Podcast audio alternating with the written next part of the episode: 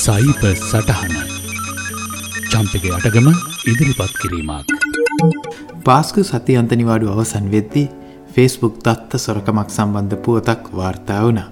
හැකවරුන් අතර ප්‍රචලිත dark web කලාපයක රටවල් එකසිය හයක ෆේස්බුක් ගිනුම් මිලියන පන්සිය තිස්තුනක විස්තර නොමිලේ භාගත කර හැත හැකි මට්ටමේ පැවතුන. සාමාන්‍යයෙන් දත්ත සොරකමක් කියලා අපිට හුරු පාස්වර්ඩ් උපන්දිනය ආදිය වුණත් මේ ගිනුම් මිලියන පන්සියේ මූලික්කෝම අඩංගුවනේ දුරකතන අංක. මින් මිලියන දෙකයි දශම පහක ප්‍රමාණයක ඊමේල් ලිපිනත් තවත් බොහෝ ගෙනුම් ප්‍රමාණයක ගැහැණු පිරිමි බව උපන්දිනය රැකි අස්ථානය විවාහකල්වාක බව ආදිය පවා තිබුණා. මේ ගැන දැනගත්තු ගමන් මම මුලින්ම කරේ මගේ ගිනුමත් මේ මිලියන පන්සිය තිබෙනවාද යන්න පරීක්ෂා කළ එක. මගේ අනුමානය නිවැරදි වග තහවුරුණ. මගේ දුරකතන අංකය මේ සොරාගත් අත්ත ගබඩාවේ ඇතුළත් වුණා. නමුත් ඊමේල් ලිපිනය උපන්දිනය අධි කිසිවක්ගේ අඩංගුණේ නැහැ.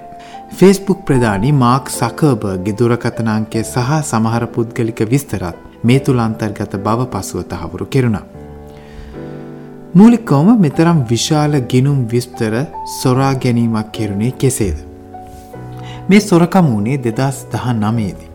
සොරාගත්තු අය මේ විස්තර දැන් තමයි එලියට දාන්න ගත්තේ. මේ අය කරේ ෆේස්බුක් එක හැක් කිරීමක් නොවේ.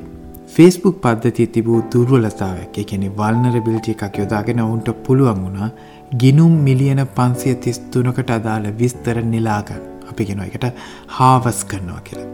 දෙදස් දාන මේ අගෝස්තු වෙත්ති මේ ගැන සැලවුණු ෆෙස්බුක් ආයතනය මේ සිදුර පසා දැමුව. නමුත් ඒ වෙත්ති ඒ අය පරක්කු වැඩි. මම මුලින්ම සඳහන් කලා මගේ දුරකතන අංකයත් මේ සොරකමට නතු වුණා කියලා. දැන් මට එය වලක්වා ගත හැකිවත් තිබුණද. නැහැ. ෆෙස්බුක් ගිනුම් හදන ඕනම කෙනෙකුට දුරකතනංකය සපයන්න වෙනවා ගිනුමේ ආරක්ෂා වෙනුවෙන්ම. එනිසා මම කෙතරම් පරිස්සම් වුණ සොරකම වුණේ ෆේස්බුක් පද්ධතිය සිදුරක් හරහා නම් අපට එය වලක්වා ගන්න බැහැ. දුරකතනංකය සුරාගෙන ඒ අය මොනව කරන්න. අඩුගානි ක්‍රඩිට් කාඩ් විස්තර වගේ දෙයක් නම් ඒ අයටින් මුදල් හොරකම් කරන්න තිබුණු. දුරකතනංකි මොනව කරන්න. ඔබට දැන් එහෙම හිතන ඇති. මෙලෙසින් මිලියන ගණන් දුරකතනංක එකතු කර ගැනීම ඔවුන්ට ඉල්ලම. SMS හරහා බැංකුව පොලිසිය රජය පාර්සල් සේවා ආදිය ලෙසින් එන පනිවිඩ හරහා ජනතාව රවට මුදල් සොරකම් කිරීම මේ කාලේ අතිශය ශීග්‍රයෙන් ව්‍යාප්ත වෙනවා. මේ අසන ඔබටත් ඕන අතැරම් මෙවැනි පනිවිඩ ලැබල ඇති. සමහර විට ඒවට අහු වෙලත් ඇති. පිටක ඔබ කල්පනා කරන්න ඇති ඔවුන් ඔබේ අංකය සොයාගත්තේ කෙසේදත් කියල්. දැන් ෆේස්බුක් කරා ඔවුන් නෙලාගත් මිලියන ගානක ටෙලිෆෝන් අංක හෙට අනිද්ද වෙන විට ඔවුන් ස්කෑම් කෙටි පනිවිඩ යවන්න භාවිතා කරාව. එහි අන්තර්ගත පනිවිඩේ ඇත්ත කියල හිතලා ඒක ඔස්සේ ව්‍යාජ නමුත් ඇත්ත වගේ පෙනෙන වෙබ් අඩවියට පිවිසෙන කෙනෙක් බොහෝවිට තමන්ගේ පුද්ගලික විස්තර සහ ක්‍රඩිට් කාඩ් විස්තර සයිබහොරුන් වෙත ලබා දෙනවා. තැන් ඔබට පැහැදිලි ඇති.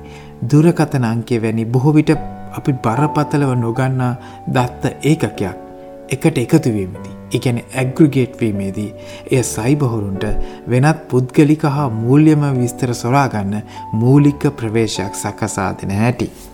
ඔවුන් මේවා යවන්නේ දිනකට දස දහස් ගණනේ.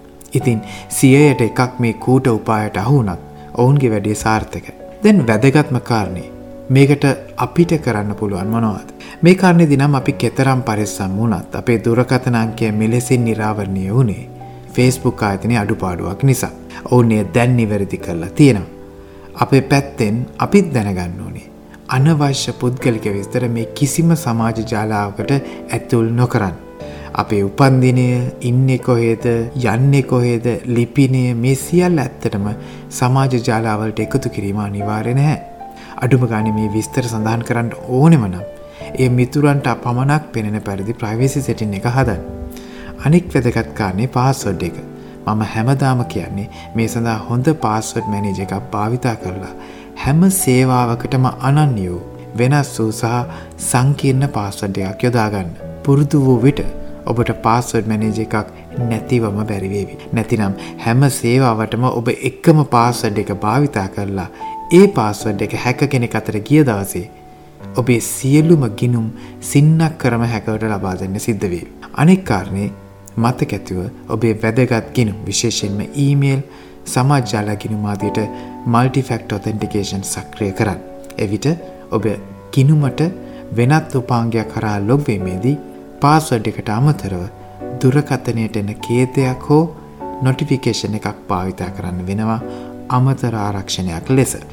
අනෙක ඊමේල් සහ කෙටිපෙනිවිට හරහා එන සැක කටයුතු ලිංක් කලික් කිරීමෙන් වැලකී සිටින්.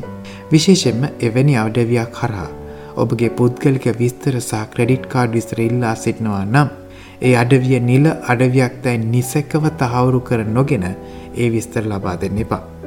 මේ කිසිම කාරණයක් තාක්ෂණිකව අමාරු දේවල් නොවේ. නමුත් අපිට නම් ඕවා ඉතින් වෙන්නේ නැහැ කියන මානසිකත්වය තියෙන තුරාවට පරිස්සම් විය යුතුයි කියන ආකල්පය දුර වෙනවා. ස්මාර්ට් ෆෝන් භාවිතා කරාට මදි. අපිත් සයිබ ස්මාර්ට් වෙන්න ඕනි. නැත්නම් සයිබහොරු අපිව අවුට් ස්මාර්ට් කරාවි. අදත් ඔබට සයිබ සටහන ගෙනා මම චම්පික ඇටගන්න.